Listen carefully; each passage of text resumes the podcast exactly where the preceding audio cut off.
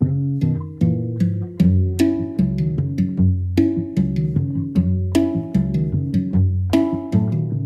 je odgovoran za odlazak mladih iz Bosne i Hercegovine? Je li ovo novinarsko pitanje za početka ili za kraj podcasta? Nešto je trulo u državi, a upravo mladi koji Bosnu i Hercegovinu svakodnevno napuštaju toga su i najviše svjesni. Mobilnost mladih iz Bosne i Hercegovine poprimila je alarmantan karakter. Odlazak mladih je goruća tema u Bosni i Hercegovini posljednjih godina. Jeste goruće pitanje koje skoro svaka druga mlada osoba u Bosni i Hercegovini sebi postavlja. Ostati ili otići? Ja sam svoju sreću potražila vani i jednostavno nekako imam osjećaj da mene moja Bosna onako nekako sputava, nekako ograničava. Ovako razmišlja studentica četvrte godine kineziologija Mila Helag iz Travnika, čudistkinja, koja pohađa kurs njemačkog jezika kako bi se pripremila za preseljenje. Za sebe tvrdi da je patriota. Sad u ovom trenutku kad sam ja odlučila da idem uh, iz vas, ja se iskreno zezam s tim. Stvarno, to je meni postalo presmiješno. Naš sistem je postao nekako ono, više da sjedim sa društvom, da pričam o tome, da, da se tome smijemo dok mi spremamo papire da idemo van. Šalili se ili ne, činjenica je da svaka druga mlada osoba u Bosni i Hercegovini razmišlja o odlasku iz zemlje, tako je prema istraživanjima. Zbog sistema u kojem je odrastao i živio svojih 26 godina, Bosnu i Hercegovinu napustio je Nahid Mujkanović iz Gračanice, jer posao nije mogao naći nakon medicinskog fakulteta u Tuzli, sanitarni smjer. Nikome nisam bio rođa. Dijete sam demobilisanog borca koji je to nažalost rato umjesto da šverca kafe i maljutke, ne pripada ni jednoj političkoj partiji, para i zemlje nemamo naj da dam i poklonim za radno mjesto, po svim nekim parametrima za mene ono nema ni jednih otvorenih vrata. Ovo su samo neki od razloga zašto mladi odlaze iz Bosne i Hercegovine, a ima ih još. Ja sam Aida Đugum i o tome ćemo u narednih 30 minuta razgovarati u novom izdanju podcasta Glaso mladih. Slušate Glaso mladih. Da krenemo na početku sa populacijskim predviđanjima.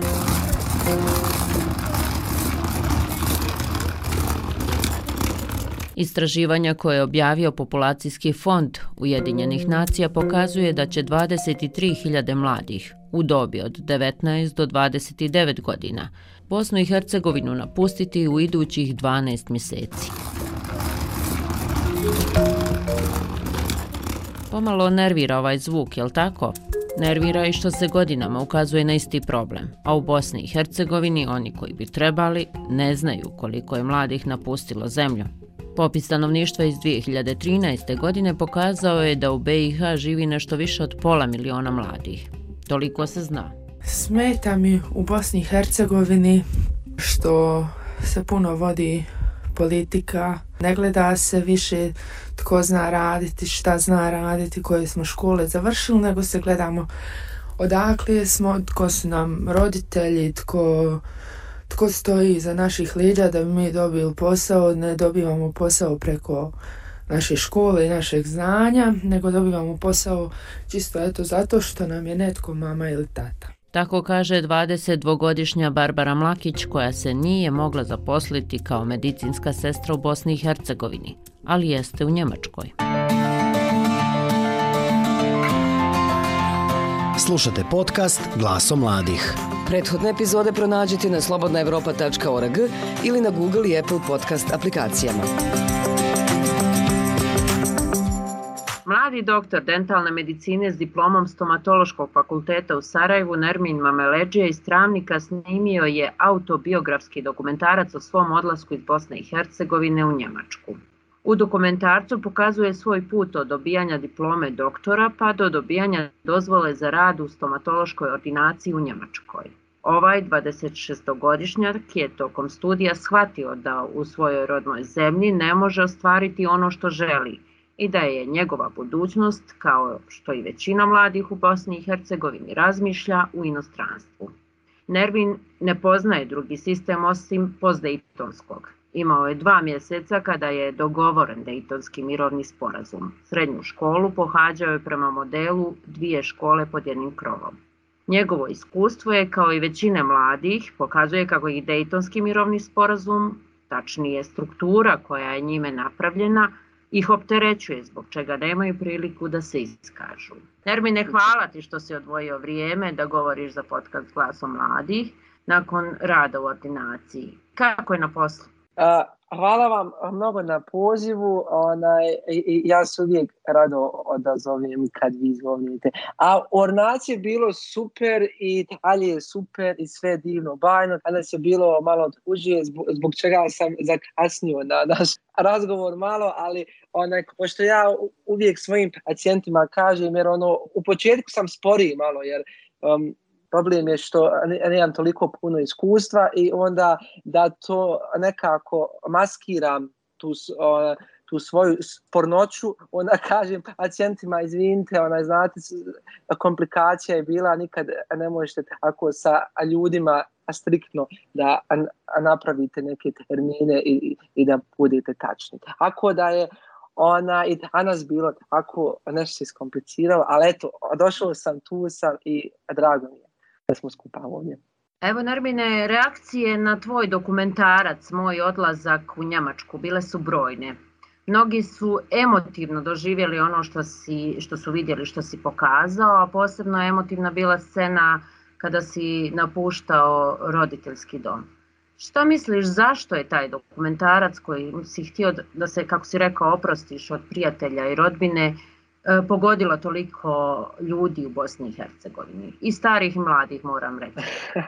I, e, e, ja se stvarno iznenadio da je taj film toliko do, doživio uh, odjeka u javnosti. Kao što sama rekla, tako sam ja stvarno učinio za svoju dušu, jer da se na, na taj način kreativno uh, uh, izrazim i da predstavim otprilike uh, ljudima kojim također imaju namjere e, e, kako taj put e, izgleda.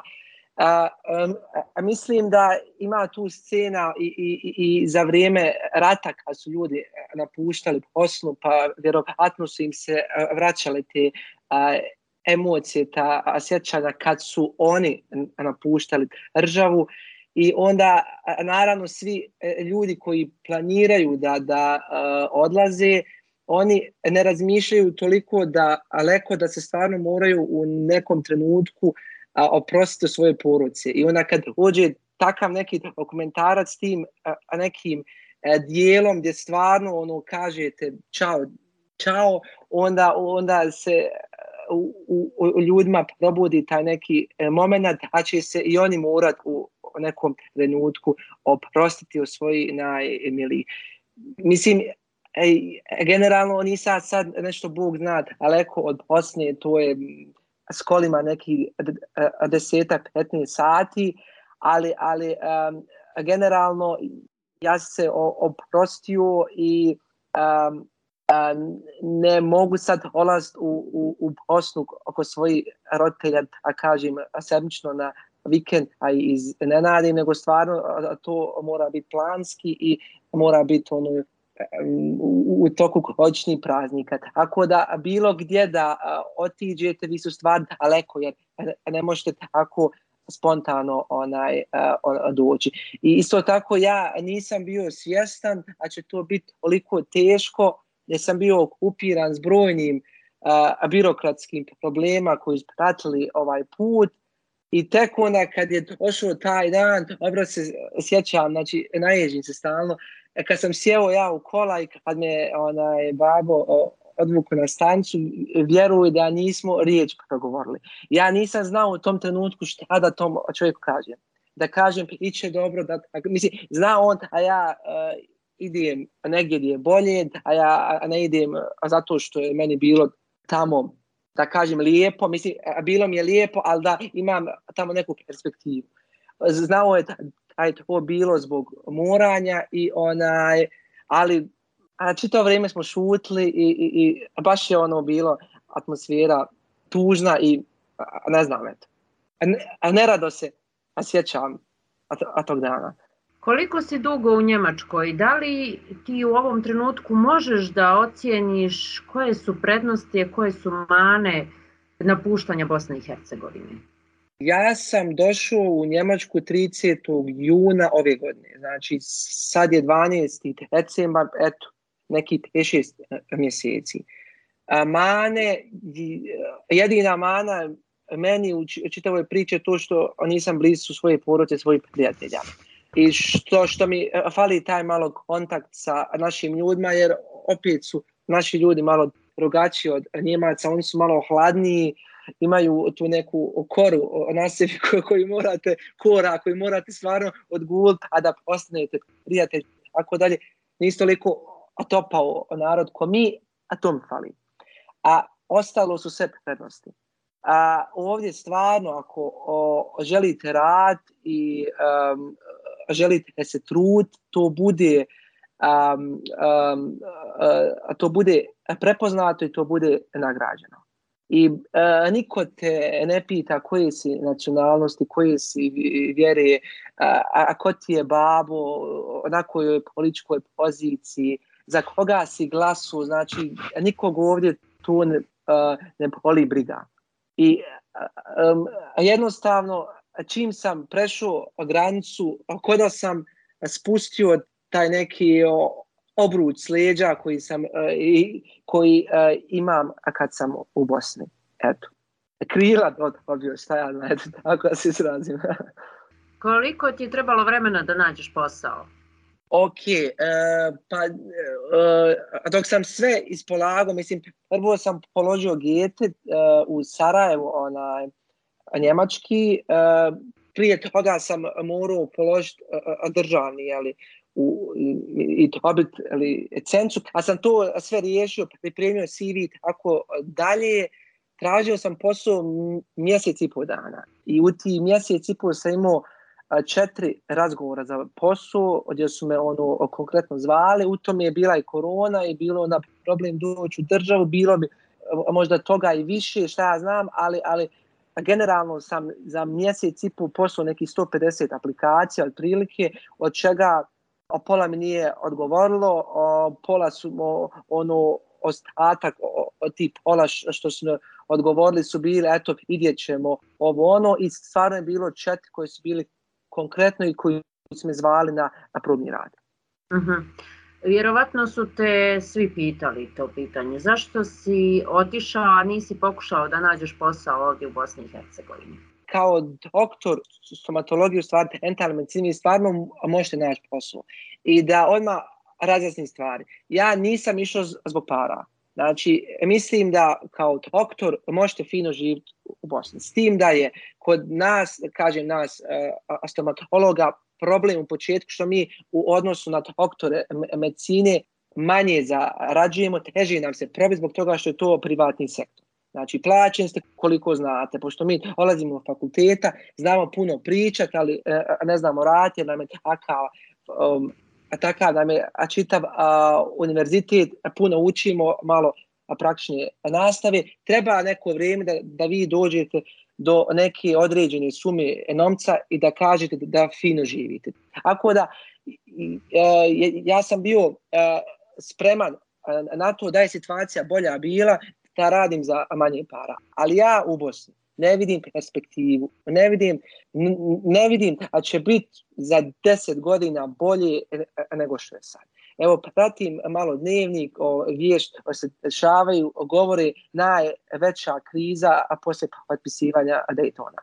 Znači, mi u principu idemo sve više unazad, umjesto da idemo prema naprijed. I, i, I ljudima je kapa puna svega. Znači, kapa je puna naših političara, obećanja, e, izbora, hoće li se, a neće li se dogovoriti, dok cijene e, postaju skuplje, plate ostaju e, iste. Mislim, ja znam ko mali šta sam mogu kupiti s dvije marke, pa mi starci adnu u školu, šta možeš kupiti sad? Znači, cijene su, sve skače, a, a, a, a, a u stvari, a, a život ostaje skuplji, a, e, a generalno a plate ostaju a, isti. Opet kažem, pare meni nisu bile toliko, jer sam ja znao da ću u, u nekom trenutku živit izvan prosječno sa svojim poslom.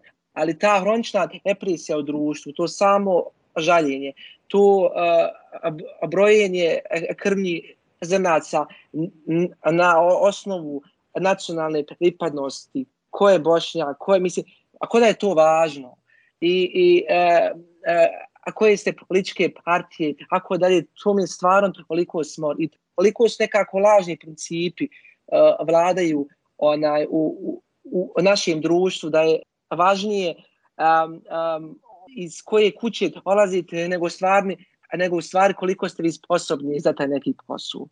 I a to me stvarni, od tog se, da kažem, gadim i, i zbog toga mi, mi je bilo što prije da, da, da otiđem. Evo, rođen si u godini kada je potpisan Dayton.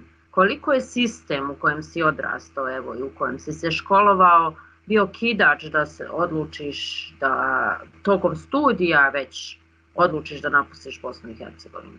Pa, e, pro, problem je upravo u sistemu. Ja kažem ono, a kad me ljudi pitaju, pa vi ste ti koji trebate promijeniti, vi ste mladi, vi ste pokretačka snage, tako dalje.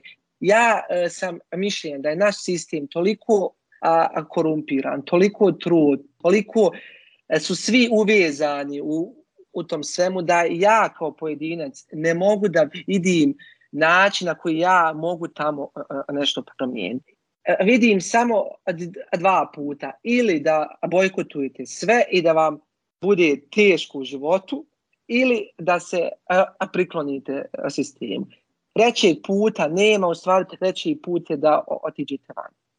I ja nisam neko ko će biti nekom tako samo poslužan, a pratit će sve što mu kaže. Ja sam neko ko cijeni trud i rad i stvarno sam htio doći u sistem u kojem se to i vrednuje. Tako da eh, u pitanju sistema, problem je bukvalno u eh, čitavom sistemu, a to pro, ila, eh, izlazi iz etonskog sporazuma. U stvari, možda taj etonski sporazum nije toliko ni, ni, ni, ni loš da nisu ljudi koji vladaju ti koji jesu i da se nisu toliko uvezali. Imam nekako a, osjećaj od direktora državne institucije pa do najslabije karike svi su uvezani, sve je to nekako mreža i svak sebe čuva. I naravno, svi znaju dok su skupa, bit će im dobro. Čim neko izlazi iz te mreže ili, ili hoće nešto promijeniti, odmah si protiv njega. I to stvarno mi je, eto, na to se ježim. Hoćeš li se vratiti u Bosnu i Hercegovinu? Pa, generalno nisam ja zatvorio sva vrata onaj, Bosni vrati se naravno onaj da obiđem poroci, prijatelje, to svakako evo dolazim, a ako Bog da za božićnje praznike, novogodišnje, da ih e, vidim.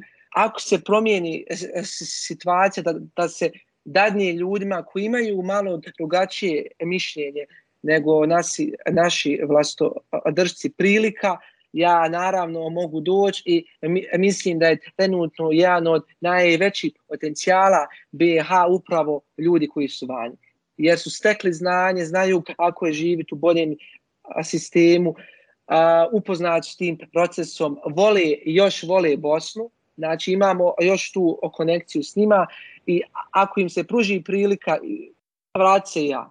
Znači, meni nije, kažem, nije mi, nije mi problem sad novac, nego je stvarno problem tipa, evo, da ću vam samo jedan primjer. Polazim iz Travnika, u gradu u, u kojem živi, eto, neki 70.000, 80.000 ljudi, u gradu u kojem nema kino. Znači, vi morate ići u zemlju sat i po da bi, ne znam, s nekim pogledali film. Nemate nikakve aktivnosti za a, a, mlade ljude. Ja, e, evo, u Njemačkoj ovdje sam u manjem gradu, ja, evo, od svog stana imam tri hale za penjanje, imam dvoranu za kuglanje, imaju tri teatra ovdje u malom gradiću. Imate parkova, znači, a vas glava zaboli svaki dan da otkrivate novi park. I to stvari traži mlade ljudi. Znam kolega koji predobro radi svoj posao, od, zarađuju odličan novac, ali kad hoće trošiti taj novac moraju ići ili u, u Sarajevo, jer eto Sarajevo ja smatram kao državom za sebe zbog toga što stvarno tu ima neki mogućnosti, moraju znači otići u Sarajevo i, ili u, u susjednu Hrvatsku da se malo provedu. Jer kod nas stvarno a, a po to, tom pitanju mogućnosti nema. Tako da, eto, da, da se taj malo životni kvalitet igne na neki viši nivo i onda će ljudi a, ostati kućama, neće htjeti da a, odlaze van. Kako se sad osjećaš nakon svega? I dalje mi je teško iz razloga što a, dolazim tek s fakulteta, nemam radnog iskustva. S te strane, posebno prva dva, tri mjeseca mi je bilo toliko stresno na osud, a očekivanja prema meni su bila velika. Očekivanja koji sam ja imao prema samom sebi su bila još veća. I, i to te grize iznutra. Sam sam bio nekako napit. A fale vam vaši ljudi, a, jo, a još je to malo na klimavim nogama. Ali ono, um, kažem, pristajem i, i po tim uh, uslovima sam ja došao u uh, Njemačku jer je situacija u Bosni takva kakva jeste. Hvala ti na razgovoru na odvojnom vremenu. E, za podcast Glasom mladih govorio je Nermin Mameleđija, stomatolog koji od ovog ljeta živi u Njemačkoj. Dalje u luci, barka me čeka, neka pričeka, jer Amerika je zemlja daleka. Zbogom maslinici, Čuvena pjesma grupe Aerodrom, Fratello. Eh, nema toga ko nije razmišljao kako bi mu život izgledao da je otišao u tuđinu. Pa tako i ja. Moj san je bio otići što dalje od Balkana. Hm. Privlačila me Amerika, Australija, Novi Zeland, ali sada mislim da nisam bila dovoljno hrabra pa sam tako i ostala. I nije baš da svi odaše iz Bosne i Hercegovine. Evo, na primjer, razgovarala sam i sa 20-godišnjim Sarajlijom Adnanom Ahmićem. On je donio odluku da ostane. Ja sam Adnan, imam 23 godine. Ovaj, bavim se, pa hajmo reći, u, u toj IT industriji, sam konkretno game development. Završio sam elektrotehnički fakultet i što se tiče game developmenta, dakle, to nisam, to je dakle razvijanje uh, igrica, konkretno mobilne igre u mom slučaju trenutno. E, dakle, to nije nešto što sam studirao, to je već nešto čime sam se bavio u slobodno vrijeme, dakle, tokom srednje škole i fakulteta. E, te sam, dakle, nakon fakulteta dobio tu priliku, upoznao članove ekipe iz firme Kickstart Mobile, dakle, to je firma iz Poljske, kojim smo dalje ušli u saradnju i oni su odlučili da investiraju neki novac, tako smo otvorili ovdje firmu u saradnju. Mm -hmm. I sve su mladi bosanci hercegovci, je li tako? Jeste, jeste, dakle, svi zaposleni i sve koji je trenutno zapošljeno u ovoj poziciji, dakle, to sve u unutar Bosne i Hercegovine, konkretno sada sve u Sarajevu. Evo recite mi kako vi kao mlada osoba koja evo ima, ima priliku da radi, nije baš ono što je studirala, ali nešto što se izrodilo iz hobija, kako sam shvatila, gleda na situaciju da mladi eh, misle da je bolje negdje vani raditi i živjeti nego ovdje. Neki čak imaju poslove, ali ih ostavljaju i odlaze.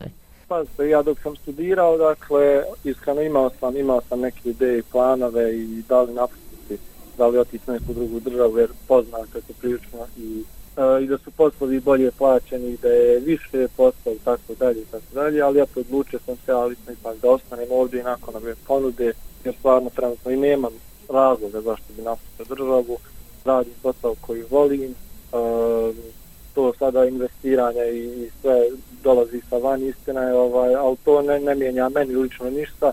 I bio ja ovdje i bio vani tako da naravno da se odluči da ostanem ovdje jer ovdje su mi ovdje mi je porod, ovdje su mi prijatelj tako da nemam neke potrebe da napuštam. Dok s druge strane kolege, prijatelji i tako dalje i ostali ljudi koji jednostavno napuštaju, mladi, a, pa mislim da je prilično jasno to i onaj svima zašto napuštaju, dakle puno, puno manje, hajmo reći, brige se neke sa strane posla i sa strane a, financiranja i, i, i sl. Smatram da je najvažniji razlog zašto ostati ovdje, mislim da je onako i prirodan i svima jasan.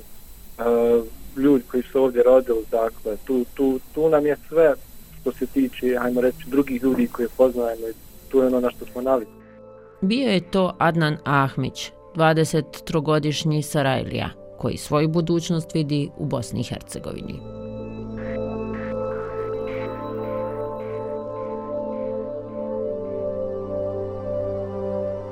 Posljedice odlaska mladih su očigledne, U Modričkoj gimnaziji, nekadašnjoj elitnoj školi, koja je prošle godine proslavila 60 godina rada, nije upisan ni jedan učenik. Novka Marković, direktorica Srednjoškolskog centra Jovan Cvijić, kaže kako je to posljedica više procesa, među kojima je i trend da mladi sada više idu na usmjerenja. Ali, Mi pratimo ovaj brojku i mi svake godine imamo manji broj učenika. Evo ove godine je to rekord a, a, da imamo toliko učenika. Recimo, a, pa prije nekih a, osam godina smo imali duplo više nego sad. Znači, to nije mali pad. Nije davno bilo kad smo imali preko 1000 učenika, sad imamo 590. Dakle, to je, ali isto tako i manji broj učenika završava osnovne škole, tako da, da ne možemo ni imati. Mi smo ove godine imali i to jedan, ajde da kažem, e, veliki faktor koji je uticao utjecao na sve da, da je ova generacija koja je sad upisala prvi razred iz ne znam koji razloga značajno manja a, broj učenika je bio značajno manji i od prethodnih generacija i od narednih. Recimo nekih 40 učenika ove godine završilo osnovnu školu za razliku od manje, za razliku od prethodne godine, ali isto tako i za razliku od naredne godine. To je jednostavno potrefla se takva generacija gdje je manji broj. Ali definitivno broj učenika se smanjuje i definitivno mi recimo imamo kad smo radili analizu da za neki 30 učenika nemamo podataka gdje su. Znači nisu, jer mi smo uvezani i razmjenjuju podatke na cijeloj regiji Doboja. Dakle, u svim školama regije Doboj 30 učenika nije upisalo školu učenika koji su završili u Modriče. Dakle, to su ti potencijalni koji su negdje otišli. E sad, nemamo podataka recimo za federaciju, koliko je učenika otišlo u federaciju i koliko je učenika otišlo van, van granica. Ili jedan dio sigurno nije, nije upisao srednju školu, uvijek, ali to je uvijek jedan mali procenat, recimo od svake generacije, troje četvora djece ne nastavi srednju školu. Nije, nije to veliki procenat. Mm -hmm. Tako da to što kažete, to stoji i to je definitivno globalni problem koji, evo, zadesio je sve nas, ne samo nas ovdje u Modriću. Za podcast Glasom mladi govorila je Novka Marković, direktorica Srednjoškolskog centra Jovan Cvijić. Slušate Glasom mladih. Evo, nakon svega onoga što smo čuli, slijedi ponovo isto novinarsko pitanje. Ko je odgovoran za odlazak mladih iz Bosne i Odgovorni su neodgovorni, a neodgovorni su oni koji su uzeli politike, pošto su ovdje politike u množini etnopolitike, e, prije toga dajući obećanja građanima da će raditi ono što bi politika i političari morali da rade, da gledaju u budućnost i ostvaruju uslove realizacije bolje budućnosti od sadašnjosti u kojoj jesmo. Oni su sve to obećali, oni su o svemu tome pričali, a od toga zapravo ništa nema. Onog trenutka kad je omladina dakle mlađi svijet i generacije, kad su shvatili da im u ovakvoj sadašnjosti izmiče vlastita budućnost, onda su bježanjem odavde. To nije odlaženje, ja na tome insistiram, to je bježanje. Bježanjem odavde pokušali i pokušavaju naći spas za sebe. Ovdašnje politike moraju imperativ, moraju preuzeti odgovornost za njihovo bježanje jer oni bježe od njih. Čuli ste odgovor filozofa i sociologa iz Sarajeva Esada Bajtala. Ja tu više ne bih ništa dodala, već bi se polako pozdravila sa vama. U ovom izdanju podcasta Glaso mladih bili su sa vama Svjetlana Petrović i Aida Đugum. Prethodne epizode našeg podcasta možete pronaći na našem sajtu ili na podcast aplikacijama. Naše druge sadržaje također možete pronaći na slobodnaevropa.org, na društvenim mrežama Facebooku, Twitteru, Instagramu i YouTubeu. Sa vama smo i u narednim sedmicama. Do slušanja.